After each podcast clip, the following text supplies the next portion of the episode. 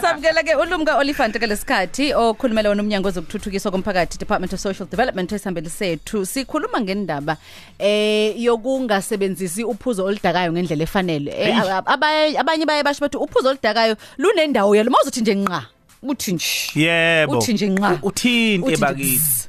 Bzz. Yabo. Uthinte. manje uma bona bizothinta bona Hey. ukuthi pha pha pha pha umuntu akaqhutshwe ngebhala Sekuvukile. ngibuka la nanokuthi imphumela eh ncebo ayimihle neze Mm. eh kuthiwa baningi kakhulu abantu abayijabulisa ngotshwala yebo kodwa izibalo ziyasho ukuthi iSouth Africa 80% wabantu besilisa basebasha abafa ngenxa eh yotshwala nezidakamizwa uyayikhumbula i- 80% Ekhumbula ivideo kaNoma Helele Ayi- Yes. ayizange zingihlekise tututu mina ivideo kaNoma Helele ngoba kukhona abantu abaphila le yampilo zonke izinsuku. Khona abantu abaphila le yampilo kukhona izingane ezilala ingadlile izingane zongabi nama school fees izingane o- ay- eyishiyo oma bazo bezikhiyele endlini beyokwenza lento eyenziwa noma Helele hey bakithi. Yabona nje imbika indaba yoku- yokuthi u- uphuzo oludakayo kube yilona ol- ol- oluphuza wena. Hayi kulikhuni kanza Yebo. kwethu. Kulikhuni ngempela. Lumka sikubingelele sikwamukele kwana umsakazo ukhosi nama ndinibingelele nongcebo notshata um ngiyabulela ngokuthi nis- nisibize okhosini sizokhuluma ngale ndaba especially nge- ngeli xesha lonyaka.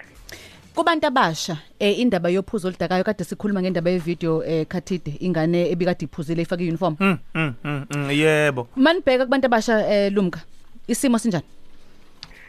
Isimo sibi kakhulu eban- ebantwini abatsha njengoba ubusutshilo nawo ukuthi indaba kanomayelele yayingahlekisi.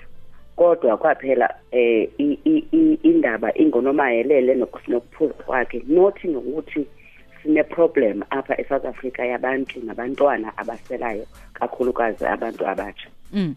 So sibisebe especially at this time ngithandile i-introduction yenu xana nichaza ukuthi ii-effects zotshwala zindoni na. Abantu bayafa ezi ezi- e- e- ezindleleni ngenxa yotshwala. Hmm. abantwana basala bengenabazali ngenxa yotshwala. Izibhedlele zigcwele aba- ab- abantu aba- ababulala ababulawayo nabantu abanjani njani ngenxa yotshwala. And ikakhulukazi ke apha emzantsi afrika asisakatsho ukuthi utshwala is a drug. It is still legal to have alcohol to drink alcohol. It is not illegal. So mhlambe ke zezo zezo zinto ke futhi ekumele sithi as a country sizame ukuqala ukuqala si- si- sizifundise abantu ukuthi utshwala okokuqala nabo is the number one drug killer in the country. The statistics are saying so.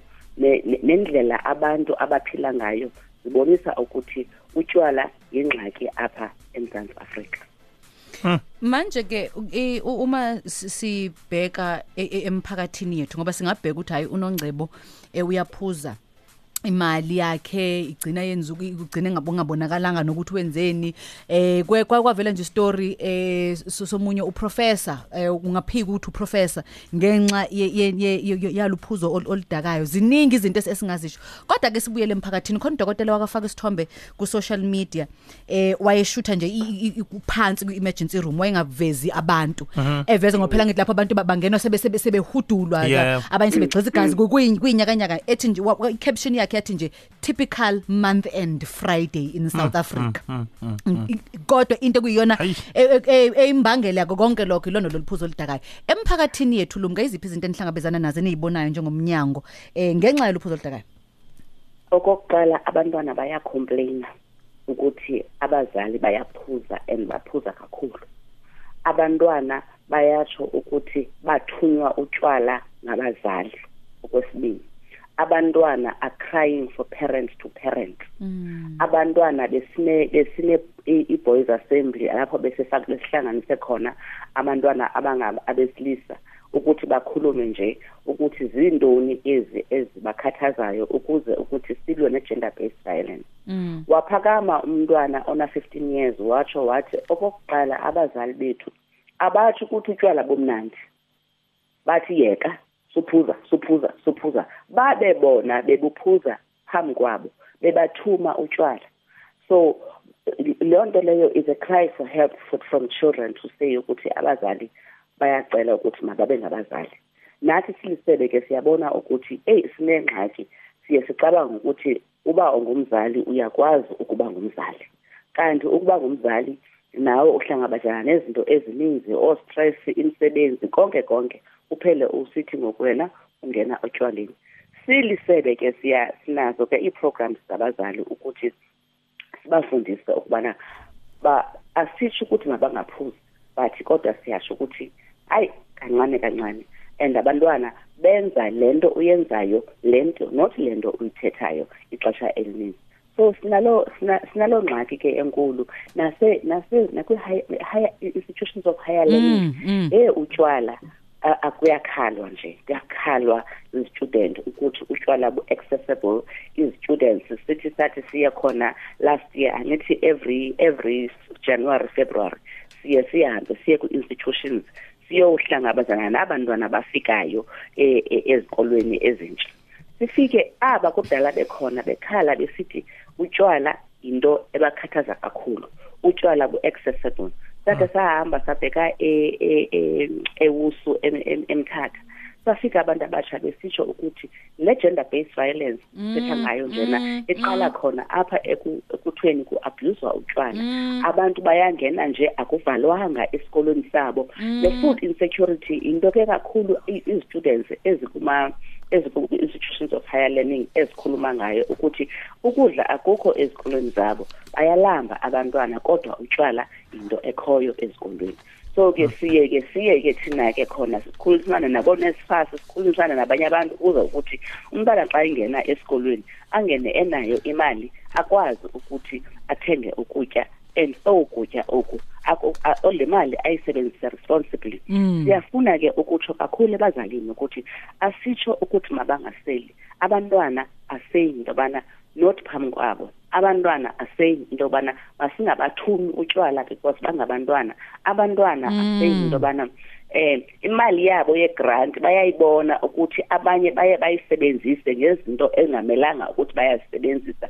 Hlala nomntwana umbonise ukuthi le mali lena uyifumana kubaba wakhe kumama wakhe egrantini this is what you are doing with it so that nabo i-child participation is important because yonke into iqala phi iqala ekhaya Lumka ngiyayithanda le le oyikhulumayo eh yokuthuma u- um- umntwana u- u- u- uphuzo oludakayo ukuthi mayokuthengela. Eh ngikhule nomalume ngihlezi ngikhuluma ngomalume nomalume Thabani nomalume Musa nom- nomalume umlungisi. Bebephuza eh umalume Musa nomalume umlungisi bebephuza kodwa angikaze nangelodwa langa ngisho kuthiwa ngiyobulanda efridge angikaze. Indaba yokuthuma umntwana ukuthi makaphume endlini aye tavern. Ayokuthengela uphuzo oludakayo. Hambe emgaqweni mhlawumbe sekuhalele number 1 umfaka emgaqweni leyo ngani mayothenga utshwala. Uyifaka etavern ebantwini abaphuzile leyo ngane abangasakwazi ukuthi bayilawule bona imiqondo yabo nemizwa yabo. Uyoyiphosa lapha ingane nentombazane na 8 years ukuthi mayothenga utshwala. Uyophosa lapha umf- umfanyana ona 11 years ukuthi makangene lapho kuleso simo leso. Futhi uphula umthetho ngoba umntwana akavumelekile ukuthi makathengiselwe utshwala. Ibaleke ngendlela esimanga lento lumka siya siya siya siya ya- ngiyajabula ke mna ke ukuthi u- u- uye- uya- uza nayo kakuhle le ndaba.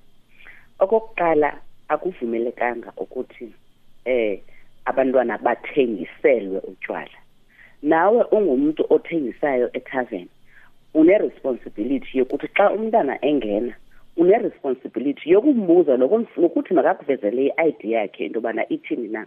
So siye siye si- siye sihambe ke siye kwabantu abathengisa utshwala silisebe sifike sithethisane nabo sibachazisele into yobana kukophula umthetho into yobana uthengisele umntana utshwala kukophula umthetho ukuba uyeke abantwana abaninzi babe lapha ethaveni yakho wena uwathengisele okanye bahlale nje ngoba ke i-vulnerability ikhona.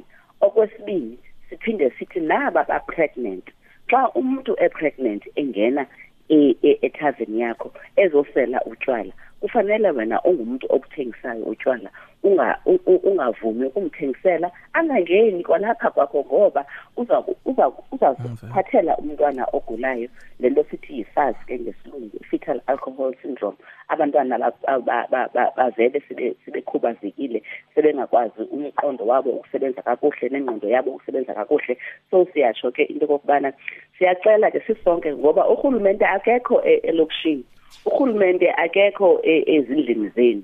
Kodwa urhulumente uyakunika i- i- i- i- i-information yokuthi nazi iyona nto ibalulekileyo nengabalulekanga usekhaya. Uzazi i-responsibilities zakho as wena ungu- ungumzali wena ungutishara weya uyinto yonke. Ngiyafuna ke futhi siphindele kulaa nto yalaa video la mntana eh, ebe ebethatha ividiyo. Kubuhlungu xana usebenza e-social development ubone ukuthi into yokuqala abantu abayenzayo xa bebona umntana esenza okubi kukumrekhoda leyo into ibuhlungu kakubi ngoba akufanelekanga sibonise abantwana bethu kwesasimo esinjeyana.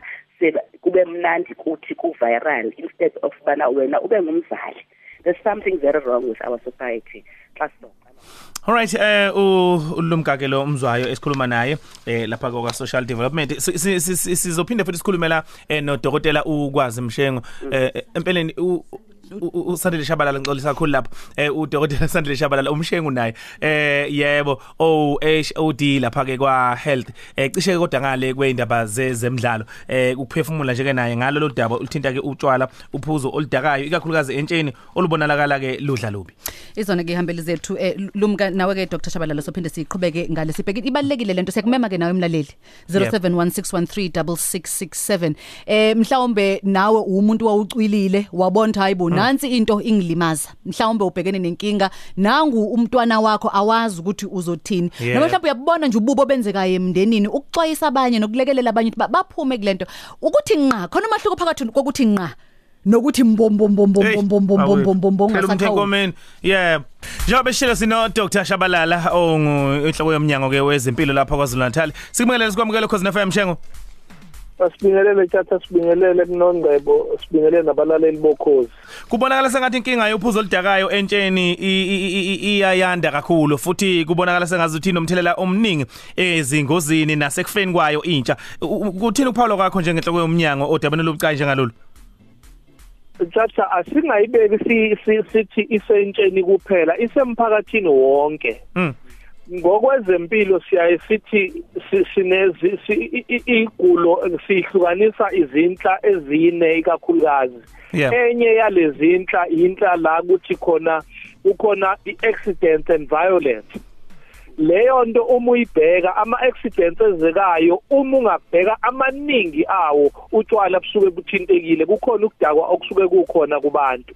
Okokuqala okwesibili uma ubheka abantu belwa emgwaqweni itshatha bebanga noma yini ebangwa lokwesithi road rage utshwala busuke buthintekile uma futhi uye ibhedlela uthola abantu okuthiwa eh barapiwe khumbula namhlanje sivala itshatha i i- i- 16 days against uh, violence on children nabantwana nama males by the way. U- utshwala busuke buthintekile futhi nalapho. Uma ungaye ibhedlela uthola ukuthi umuntu uthi uyalandela ukuthi bekwenzekeni. Uyathola ukuthi esikhathini esiningi hayi ngezikhathi zonke. Kukhona ukuthi either lo otholakele erapiwe noma obe rape kukhona indlela kungena khona isidakamizwa khona. So ziningi izinto ezingezinhle ezivezwa nje ukuthi abantu basuke bengaphuzile. Now leyo nto ithinta umndeni and usho kahle usise ebala ukuthi umuntu uthinteke engakazalwa athinteke sephila athinteke semdala unfortunately lento ngokwezempilo ngisho isibindi somuntu siyayihambela nje ngenxa yotshwala. So kuningi okonakalayo ngenxa yotshwala. Ngike ngithi mina tjathu uma singacela nje weekend eyodwa sithi ake kuvalwe nje utshwala i-weekend eyodwa. Ubone ukuthi kungonakalani. Ungawubona umehluko emindenini yabantu nasempilweni nje zabantu bebonke. So mkhulu kakhulu umehluko o- ongaba khona. Kanti ubuko obukhona njengamanje buningi ngalendlela kuyafuneka ke abantu bakithi sikwazi ukubasiza. Ba understand ukuthi wala buyasibulala sonke. Nawe ke othola ukuthi awuphuzile kodwa ngokushayela kwakho sekufuneka ubheke ukuthi kungenzeka ukuthi khona la iduze kwakho ophuzile bese uba sengozini. Eh Dr. Shabalala ngisike sayithinta ngaphambilini ukuthi khona udokotela washutha nje phansi e-emergency room eh ukuthi kwakunjani? Wasethi nje typical month end Friday in South Africa eCaption ebhali ukuthi nje ulesihlanu luba nje ulesihlanu nje lokuphela kwenyanga luba nje. Eh mhlawumbe ingcindezi ukuyiphatha kwethu eh okuba nako uma sesiphuzile kuyona ingqala sizinda yezempilo. No- nongcebo ingcindezi ingaphezulu kwaloku o- okushoyo okwa- okwavezwa udokotela kwi- kwi kwi- social media. Udokotela wayekuvezela into eyayikhona ngaleso sikhathi eyayiphambi kwakhe ethi kugcwala ngalendlela abantu abasuke bephuze ngalendlela okokuqala nongcebo abanye babo bafika sebekutshela ukuthi sinama right thina sizokushaya. Abanye befika nebafuna ukungena nezikhale ezibhedlela Mm. kuyimanje ekwenye amaklinikhi engeke ngisho nje manje kodwa esiyaziyo kugwazwe isecurity. Abantu befuna Yebo, yebo. ukungena ngenkani eclinic baletha umuntu wabo. Ummese abangitshengise wona ngizibuza ukuthi lo muntu bezofuna usizo noma ubezolwa. Kodwa uma usulandela bafike bewu5 bedakwe bonke nalo lethiwe Hey. edakiwe. So even i-safety yabantu abasuke begula beze esibhedlela noma eclinic i-safety yamanesi odokotela nabo bonke abasebenza ezibhedlela ibisithinteka kabi ngenxa nje yotshwala. Kodwa leyo ithintayo lengcebo ithi uma kuwolesihlanu uma kuwumhla ka15 uma kuwumhla ka25 uma kuwumhla ka30 noma u31 la eSouth Africa bayazi abasuke besebenza ukuthi hawu sisebenza abantu abaphuzileke kule insuku koze kuphela imali. Kuyima ke bese kubuya laba bathi sekuyaliwe ekhaya because loyo bengenamali useyabashaya ekhaya usedemand izinto ukuze akwazi ukuba nemali. So umthelela wakhona mkhulu kakhulu kunaloko akuveza udokotela. Dr Sandile Shabalala HOD wezempilo kwaZulu Natal khona nolumka Oliphant okuye nokhulumela eh, umnyango wezokuthuthukiswa komphakathi Department of Social Development kuzwe lonke 0716136667 Sisinongcebo nothatha ugodo igama lami ubongano wakamavusi. Cela ubulise lapho kwihambeli zenu. Kodwa inkinga aniyiboni kahle ngathi le ndaba niyibamba phezulu ihlule kuyibamba umsoka wakhona.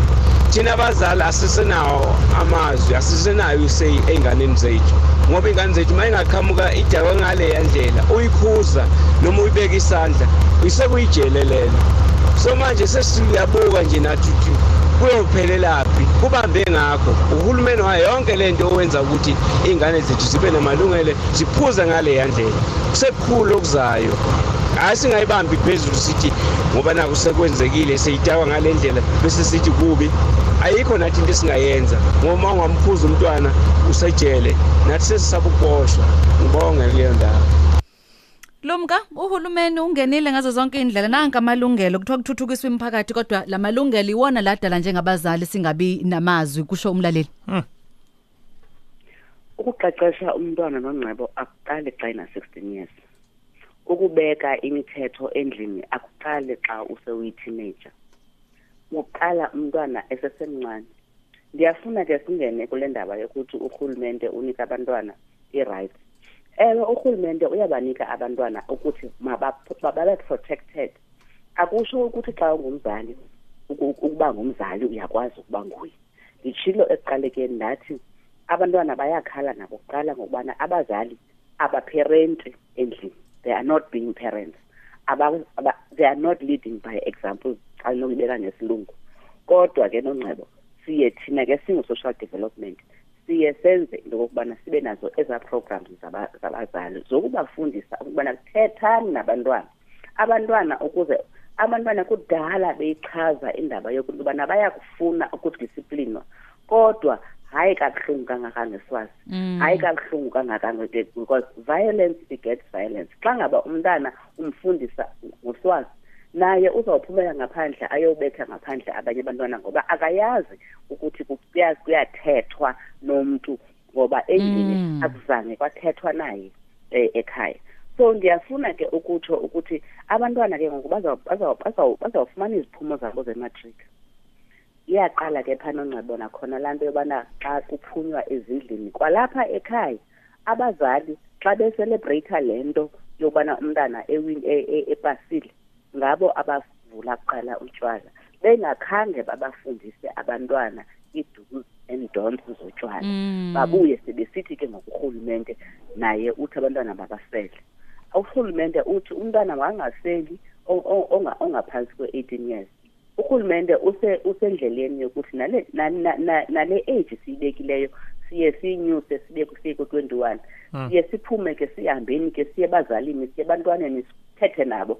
Abantwana bayakhala nabo ngokubana bafuna in- i- imindeni eqinileyo i- iintsapho ezinomthetho iintsapho ezino- ezinabazali ababini. Abantwana abaninzi besithetha nabo kule veki iphelileyo um eh nongcebo bebekhala besithi bakhuliswa ngomama babo otata abekho. Mm. so ininzi into engenzeki kakuhle e- e- kwifamily zethu esafuna ukulungiswa. Yiyo loo nto leyo ke ngokuthi nasilisebe sibe sibe nayo la la program ithi strengthening ifamily zethu because imindeni yethu yophukile nonqebo Imi- imindeni yethu iyafuna ukuqoqoshwa imindeni yethu iyafuna ukusapotwa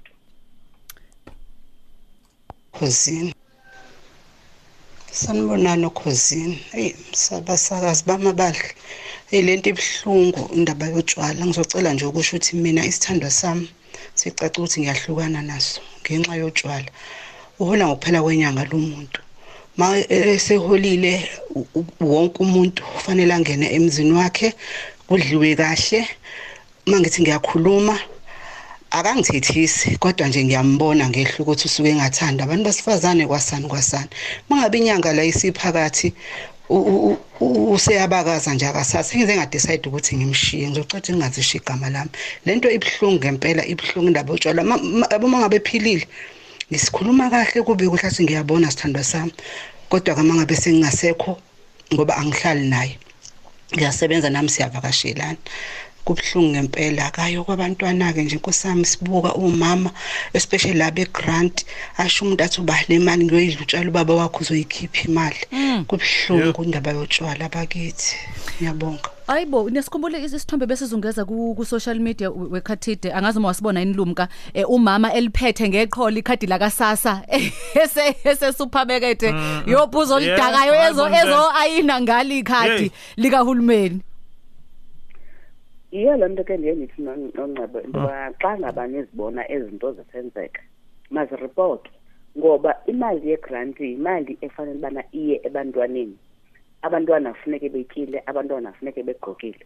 So ezi zinto xa zi- xa zibonwa zisenzeka emphakathini kuyafuneka ukuthi ziripotwe ngoba nawe ungu- ungu- ungu- u- uyi-member of i-community unelungelo lokuzi ezi zinto ukuthi mawuzinqande. Naba bathengisa utshwala eh siye sibone futhi nako Pick n Pay nakwezindawo so nakwezinye i- i- izivenkile ezi baya advertise nabo at the back of the card lakwa sasa ayi ayilo card lobana ngaze kuze kuze ku advertise ngalo ukuthi abantu mabazothenga yonke oni noni izinto ezingamelanga ubana zi- ziyathengwa. Siyabacela ke naba nosomashishini ngoba xa umuntu efika ezothenga utshwala ethaveni yakho ngecadi lakwasasa hayibo makanqandeke bethuna. Ngixolele into yobana wena awuyithe- awuyithengisi. Ukhona ke omnye apha e- e- egauteng oye uthi naxa uzothenga ipetroli eh akufowunele athi eh naba bezothenga ipetroli obaba abaninzi nekhadi lakwasasa andizobathengisela. So siyacela ke ukuthi masincediswe nathi ngoba asihlali sikhona emphakathini sizibona zonke izinto ezenzekayo. Inamba ndiyaninika xana eh sisesawugqiba andazi noba niyayifuna nangoku. Impela impela singayijabulela eh lumka. Okay sinenamba ke lapha e-social development kanye e-gender based violence command center apho ke onontlalo bahlala bekhona bezithatha zonke ezi zinto. U-0800 428 428 0800 428 428 okanye bangana awunayo i-airtime uyakwazi ukuthumela please call me star 120 star 7867 hash star 120 star 7867 hash. Ngoba i-financial violence nayo iyangena Mm. ngazo. Star 120 star 7867 hash. Dr Shabalala sasonga? No sesonga nanginobo ngifisa sikhumbule i video clip eyake yavela untombazana wayekhuzwa uma wakhe ethi uma wakhe unezingane la endlini uyazishiya uhamba uyophuza utshwala.